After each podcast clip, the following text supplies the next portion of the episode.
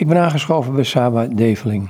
En jij bent de vrouw van Chris Develing en hij is betrokken bij Schreeuw om Leven. Je bent geen Nederlandse? Ik heb uh, in Turkije gewoond tot mijn uh, bijna twaalfde leeftijd. En daarna ben ik naar Duitsland verhuisd. En nu woon ik sinds 2000 in Nederland. Als ik dus Turkije denk, denk ik toch aan moslims. Ja, de meeste mensen denken dat er alleen maar moslims wonen. En dat alle Turken moslims zijn. Dat was ik ook vroeger. Ik was uh, Sunnitisch uh, moslim, maar nu niet meer. Mm -hmm. Ik heb uh, in 2007 Heer Jezus gevonden en sinds toen ben ik christen. Maar goed, je zegt die heb ik gevonden. is het zo makkelijk als je het zegt? Nee, dat was zeker niet makkelijk. Ik heb daar één jaar over gedaan om, om die waarheid te vinden. God heeft mij één jaar lang um, door wonderen laten zien dat Jezus de weg, de waarheid en het leven is. Dus dat is zeker niet makkelijk en dat komt ook niet zomaar bij uh, iedereen op van laat ik maar God zoeken. Dus uh, daar gebeurt zoveel vooraf voordat je die stap neemt, zeg maar. Wat is er bij jou vooraf gebeurd voor je die stap kon nemen? Een uh, christelijke vriendin van school vertelde mij dat zij gelooft dat je Heer Jezus de Zoon van God is. En toen ik dat hoorde, werd ik heel boos op haar. Ik maakte ruzie met haar hierover, want ik dacht, hoe kan ze zo onrespectvol over God praten? Want God kan geen kind hebben. En uh, later, na ongeveer zes maanden of zo, uh, begon ik na te denken van, uh, hoezo geloven christenen dat? Want uh, moslims geloven dat Jezus de profeet is. Ik dacht, maar stel dat mijn ouders christenen waren en ik was als christen geboren, dan zou ik dat ook geloven. Er zijn zoveel religies en weg van die religie zou de waarheid zijn. Zo ben ik uh, gaan zoeken en ik heb uh, aan God gevraagd wat die waarheid is. Want ik heb tegen God gezegd, ik ga alles aan u vragen want als ik aan mensen vraag, dan vertellen ze hun waarheid, maar ik wil de waarheid van u horen. Dus ik heb één jaar lang aan God gevraagd en hij heeft mij bijna elke dag laten zien dat Heer Jezus de waarheid is.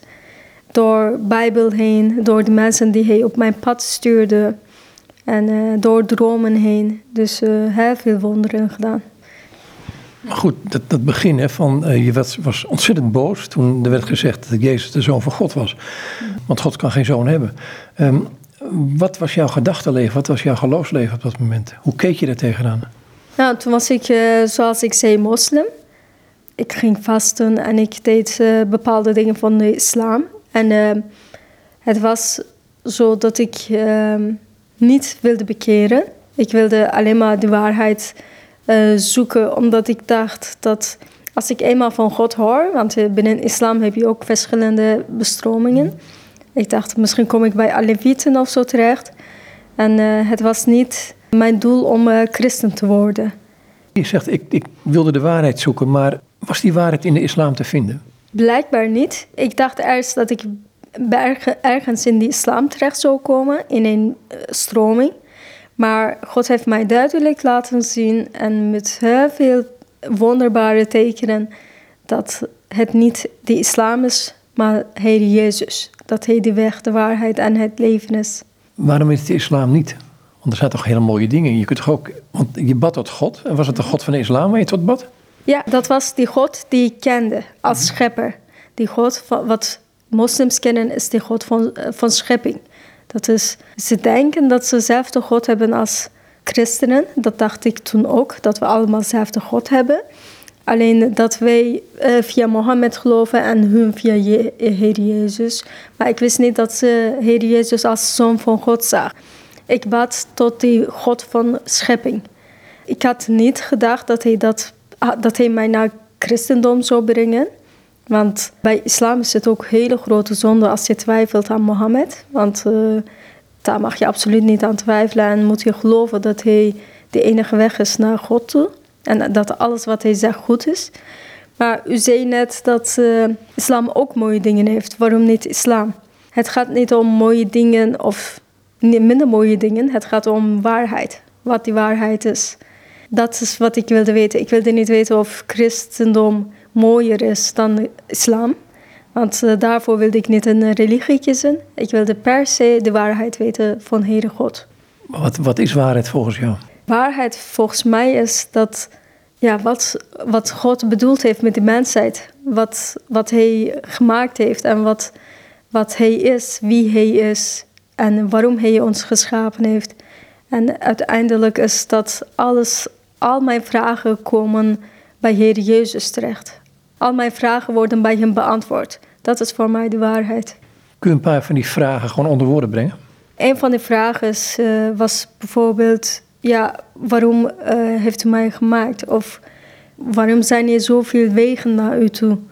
Want uh, ik dacht dat Joden geloven dat ze via Mozes, later heb ik dat geleerd, dat ze via Mozes bij God kunnen komen. En moslims denken via Mohammed. Zijn verschillende dingen. Die vraag voor mij was dus: wat is die weg? Welke weg brengt mij naar God toe? Dus ik kwam met mijn antwoord bij Heer Jezus terecht. Maar wat voor antwoord kreeg je dan? Alleen de Heer Jezus of, meer? Nou, ik wist helemaal niets van die scheppingverhalen, zeg maar. Ik wist wel dat uh, Adam en Eva zijn geschapen en dan naar mensheid is uh, gekomen. Mhm. Maar dat toen ik christen uh, begon te worden, of toen ik christen ben geworden, toen kwam ik dus pas erachter dat Heere God mij heeft geschapen met een doel. En uh, dat doel is ook om Hem te aanbidden en uh, uh, over Heer Jezus in de wereld vertellen. En dat doel is ook dat Heer Jezus, dat Hij mij zeg maar redt uit de dood. En dat waren allemaal antwoorden voor mij. En hoe ging het verder? Want je woont in een, in een moslimgemeenschap. Hoe werd het daar ontvangen toen je eenmaal voor Jezus koos? Nou, dat was niet zo fijn in het begin. Uh, mijn familie was zelfs uh, tegen mij. Uh, mijn moeder werd boos, mijn zus werd boos. Beetje zo boos als jij werd dat iemand tegen jou zei: Jezus is, Jezus is de zoon van God. Nou, nog bozer. Toen kregen we woordenwisseling en ze werden echt heel boos op mij. Op dat moment voelde ik me wel eenzaam, maar ik wijkte niet af van de weg die ik gekozen had. Ik bleef tot God bidden. Ik blijf vasthouden aan een woord in de Bijbel. En dat is Handelingen 16, 31.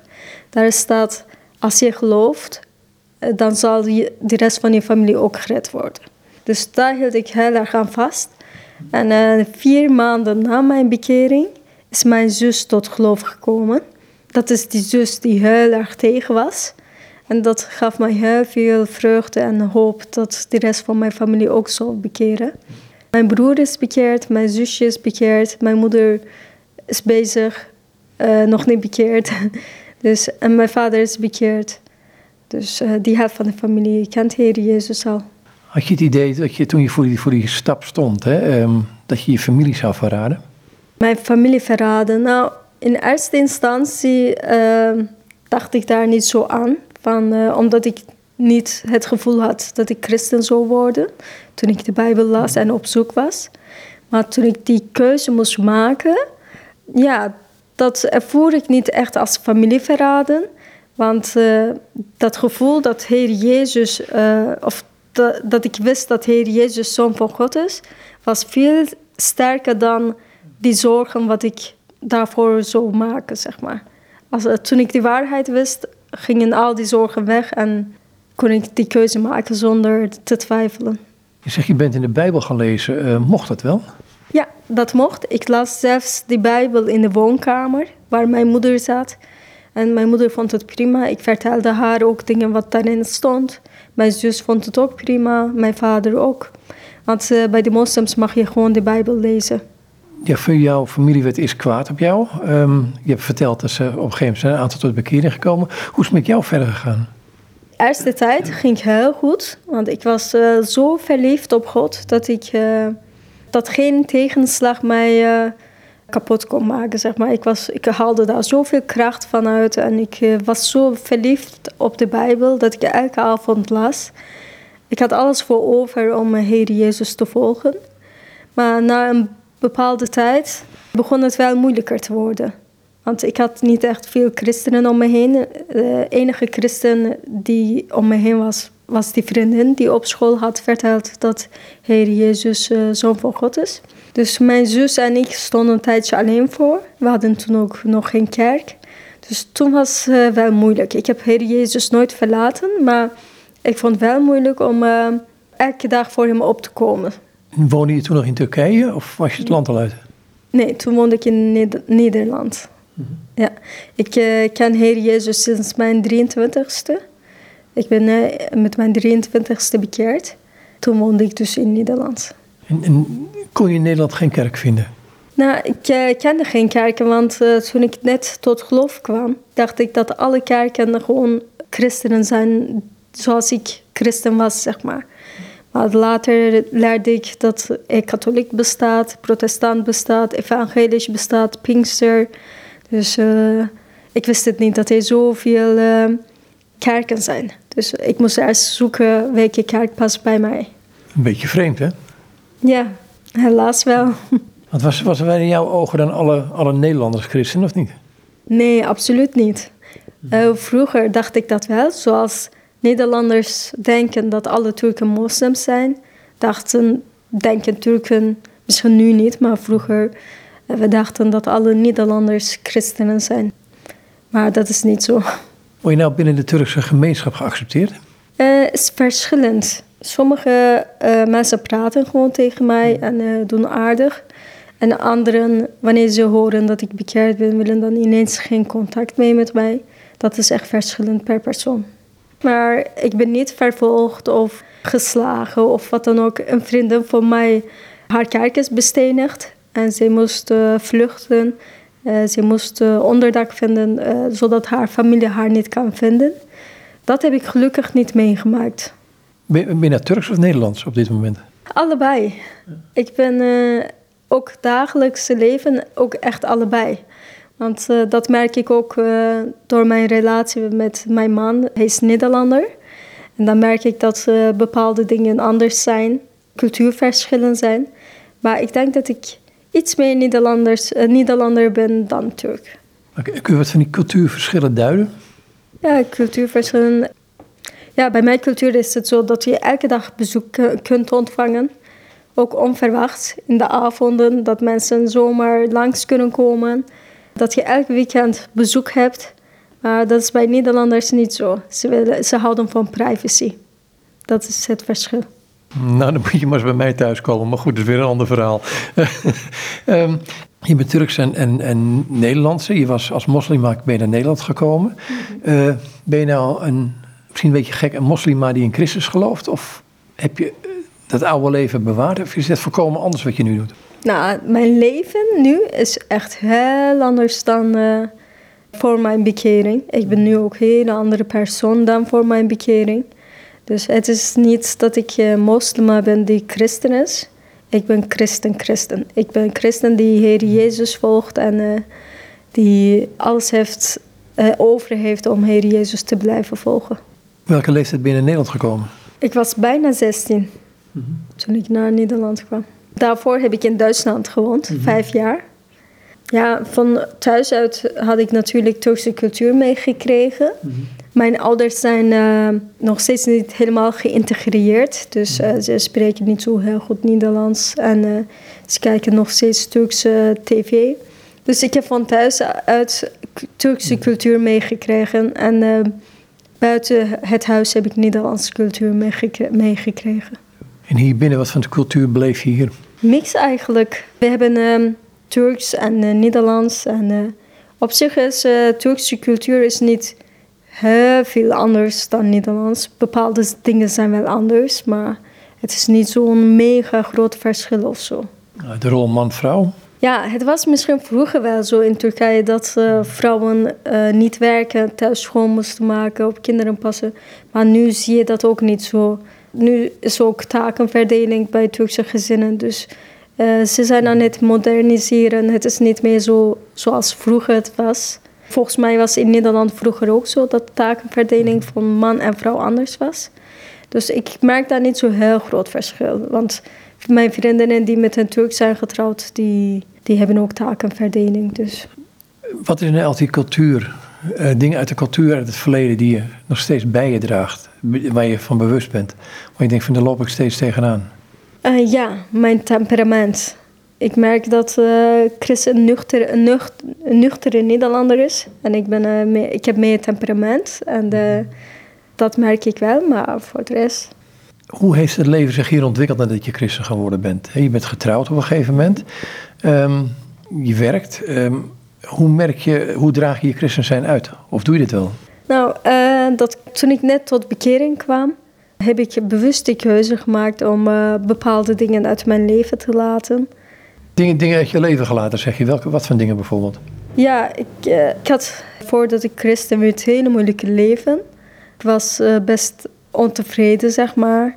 Want we hadden heel moeilijk, ook financieel. Maar toen ik christen werd, zag ik dingen anders.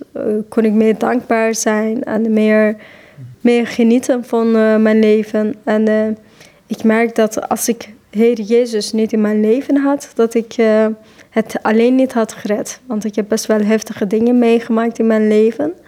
Heere God heeft mij altijd kracht gegeven. En ik weet zeker, als ik uh, de Bijbel niet kende en uh, God niet kende en Hem niet in mijn leven had, dan had ik misschien hier niet meer gezeten.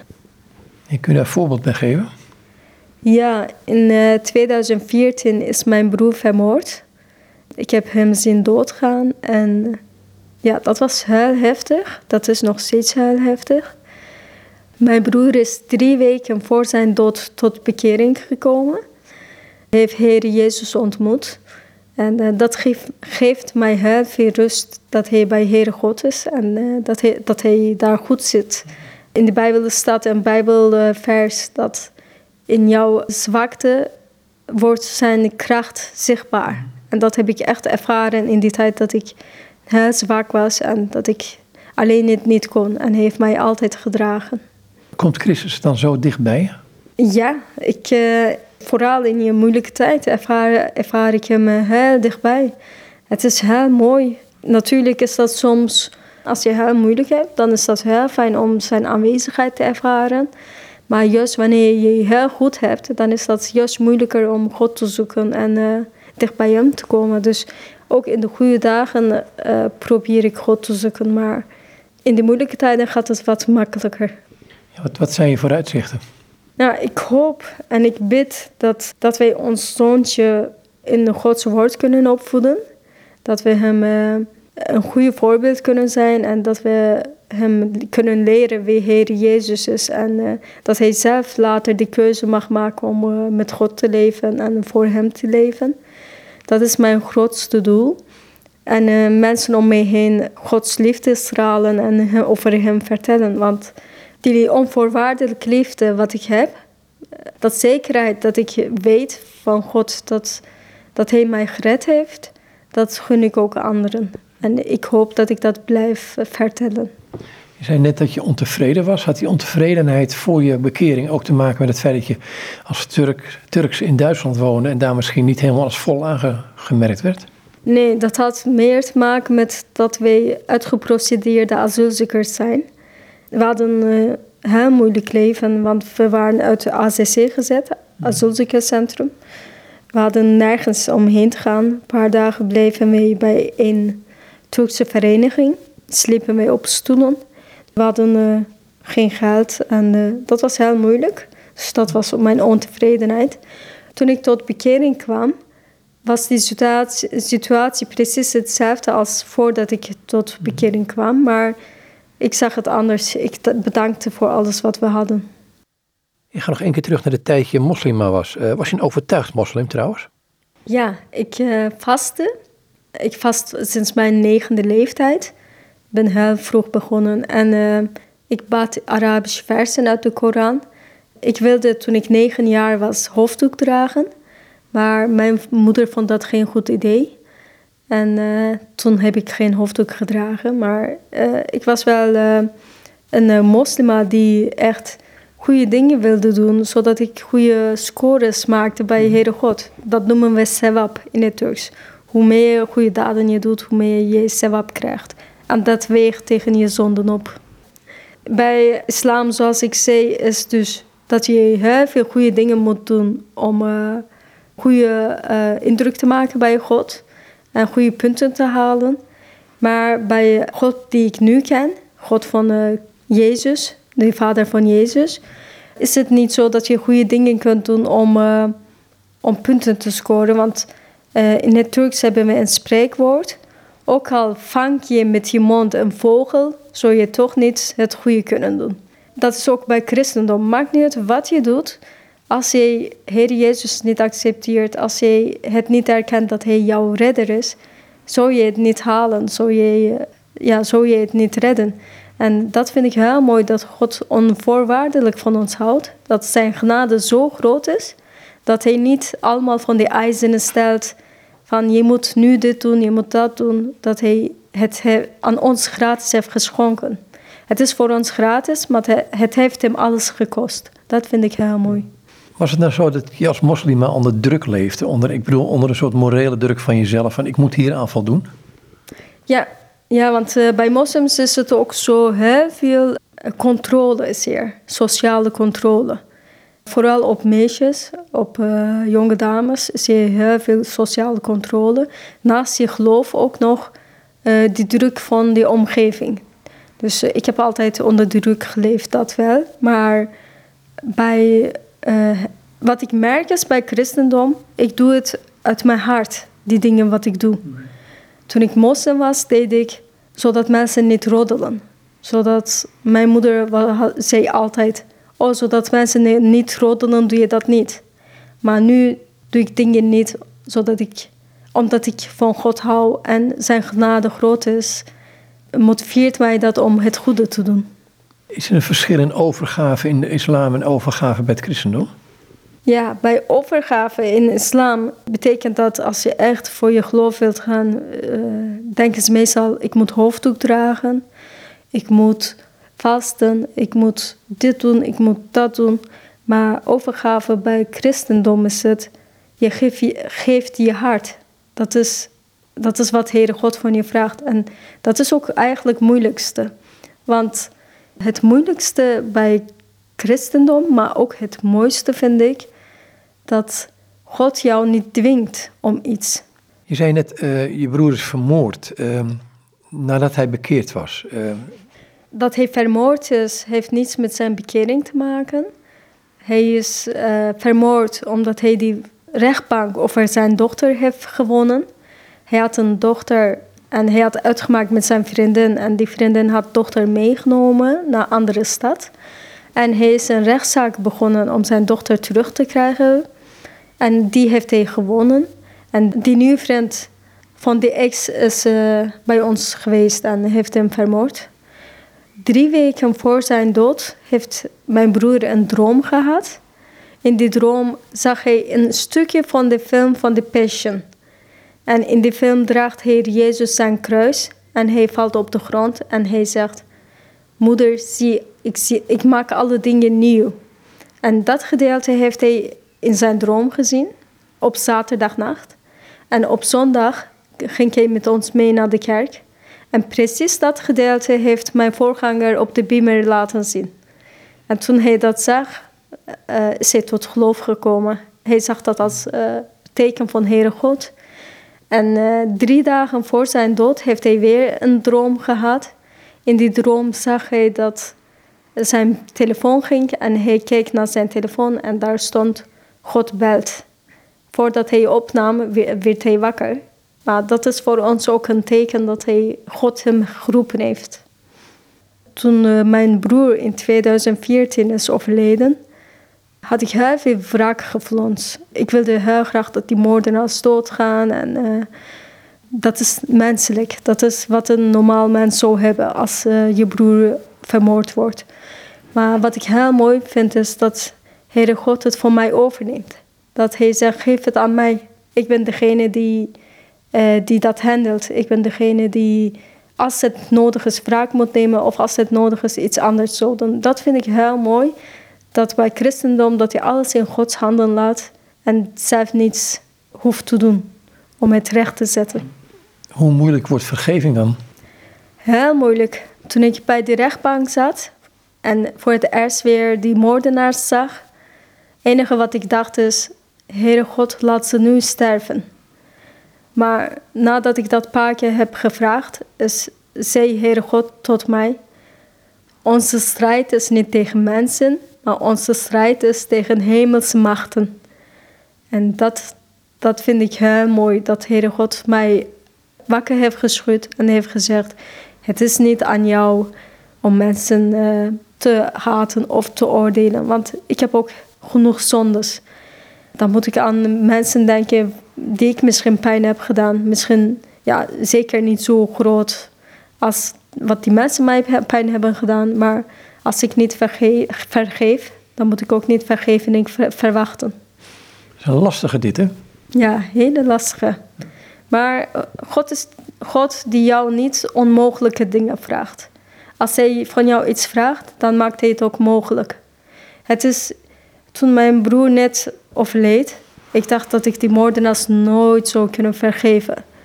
Maar God vraagt jou nooit iets wat je niet kunt. Hij geeft jou die kracht en hij helpt je erbij.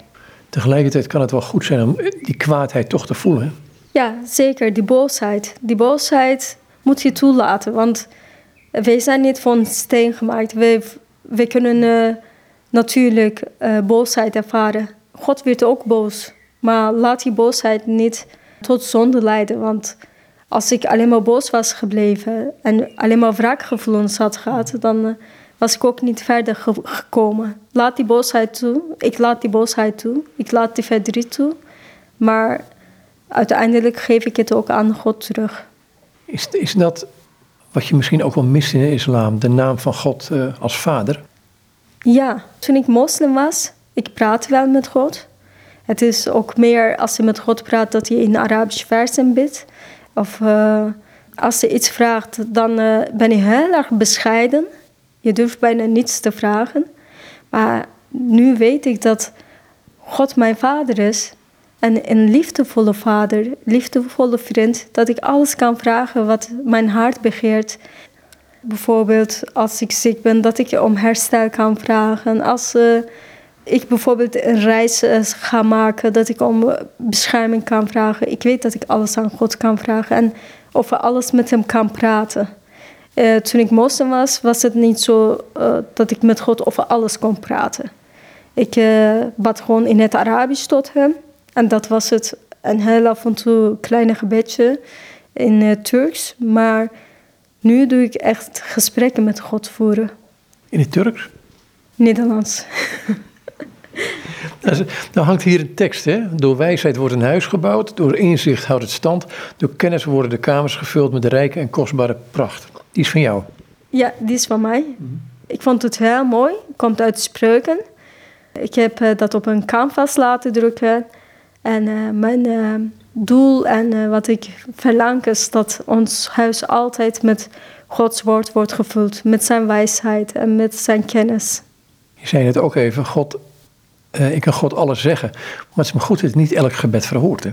Ja, het is maar goed, want hij weet alles beter dan ons. Als hij alle gebeden had verhoord, dan, dan zou het niet goed komen. Hij verhoort alleen maar, denk ik. Hij verhoort het wel, maar hij maakt werkelijk wat, wat goed is voor ons uiteindelijk. Als je nou met een, met een Turkse moslima, of een Arabische moslima, of een Nederlandse moslima zit te praten. en je hebt het over Jezus als de zoon van God. Dan begrijp je hun kwaadheid, denk ik. Ja, ik begrijp zeker hun kwaadheid. en uh, ik oordeel ze niet, want zo was ik ook. Ik doe het ook anders. Ik zeg niet meteen: Heer Jezus is zoon van God. Ik vertel eerst over die zondeval en hoe die redding in de wereld is gekomen. Want uh, het was meer, um, toen ik moslim was, als een christen tegen mij zei: Jezus is de zoon van God, vond ik dat heel erg onrespectvol en ik begrijp het niet helemaal. Want het werd mij niet helemaal uitgelegd. Maar ik leg nu uit hoe dat kan zijn dat God een zoon heeft en uh, wat hij voor ons heeft gedaan. En ik leg de hele, hele evangelie uit. Het hele evangelie is wel veel, hè? Je kan ook kort samenvatten. Dacht ik ook. Hey, uh, je kunt ook bidden voor andere mensen. Is dat een verschil? Ja, toen ik moslim was, ja, dan bid je ook wel als iemand ziek is of zo. Maar nu bid ik echt puur om uh, ook dat mensen bekeren en dat ze die waarheid weten. En uh, uh, ik weet ook dat mijn gebeden worden verhoord. Dus dat is wel een groot verschil, denk ik. Waarom vind je het zo belangrijk dat mensen tot bekering komen? Omdat ik geloof dat dat die redding is wat Heer Jezus voor ons heeft gebracht. En dat wij nu de kans hebben om gered te worden. Dat ik tussen miljoenen mensen, dat God mij heeft gekozen. Dat Hij mij die waarheid heeft laten zien. Dat vind ik zo bijzonder en ik gun het ook een ander. Je man werkt bij Schreeuw om Leven. Um, is dat hele, die hele zoektocht van jou ook een schreeuw om leven geweest? Ja, mijn uh, zoektocht naar God kun je letterlijk schreeuw om leven uh, benoemen, want dat was het ook. Hey, dankjewel. Alsjeblieft. Kun je met andere, andere, je misschien net al over gehad, kun je met andere Turkse mensen hier ook over het evangelie spreken? Uh, dat kan ik zeker. Ik heb ook een tijdje straatevangelisatie gedaan. Dat heb ik met die stichting Evangelie en Moslim gedaan. Ja heb ik op straat eh, het evangelie verteld. En uh, als ik Turkse mensen op mijn pad krijg, dan vertel ik ze dat ook. Wat, wat merk is de grootste barrière om tot geloof te komen? Um, als je tot geloof komt, dan geef je toe dat wat je geleerd hebt niet de waarheid is. Dat alles wat je geleerd hebt een leugen was. Dat is het moeilijkste om uh, te accepteren en dat Heer Jezus de Zoon van God is. Want dat is het moeilijkste voor een moslim te accepteren dat God een kind kan hebben. En, God, en dat je een relatie met God kunt hebben. Ja, dat ook. Maar uh, dat relatie met God, dat uh, komt allemaal later. Eerst moet je toegeven dat Heer Jezus Zoon van God is. Voordat je uh, die keuze kunt maken dat je bekeert. Want als je niet gelooft dat Heer Jezus de Zoon van God is, ben je niet bekeerd. Totdat je die, bij dat stap komt, heb je al een relatie gebouwd met God. En heb je al gezocht en hem vragen gesteld. Dus die stap ben je al voorbij. En dan kom je bij dat stap dat je accepteert dat Heer Jezus Zoon van God is. Goed, bij jou begon het bij lekker kwaad zijn. Ja, klopt. Ik was mooi kwaad. was dat het begin van je zoektocht? Nee, want toen was ik nog niet zoekende. Mhm. Toen ik kwaad werd. Dat begon veel later. Ja, zes maanden later. En waarom ben je toen wel gaan zoeken? Omdat ik dacht, er zijn zoveel religies. Uh, christenen geloven blijkbaar dus dat Heer Jezus zoon van God is. Moslims geloven dat ze via Mohammed tot uh, Godvader komen. En er zijn zoveel mensen die in uh, stenen geloven. Ik dacht bij mezelf, stel dat ik bij een christelijk gezin was geboren, of bij een boeddhistische gezin, dan had ik ook geloofd wat ze geloven. Maar ik wil het van de schepper weten, wat die waarheid is. Mensen kunnen mij niet vertellen wat die waarheid is, alleen God zelf. Maar goed, dan zeg je, ik ben door, door de Bijbel te gaan lezen, maar ook wat mensen mij gezegd hebben. Um, maar je hebt ook dromen gehad. Wat voor dromen heb je gehad dan? Eén keer heb ik gedroomd dat uh, Heilige Geest tot mij sprak en zei, ik ben Heilige Geest en Jezus is de Zoon van God. Zoiets heb ik uh, gedroomd, maar voor de rest herinner ik mijn dromen niet meer. Is een droom werd werkelijkheid? Ja, klopt. En dan laat ik het hierbij, dankjewel. Ook bedankt. En dit zei Saba Develing en met haar was ik in gesprek over een deel van haar leven.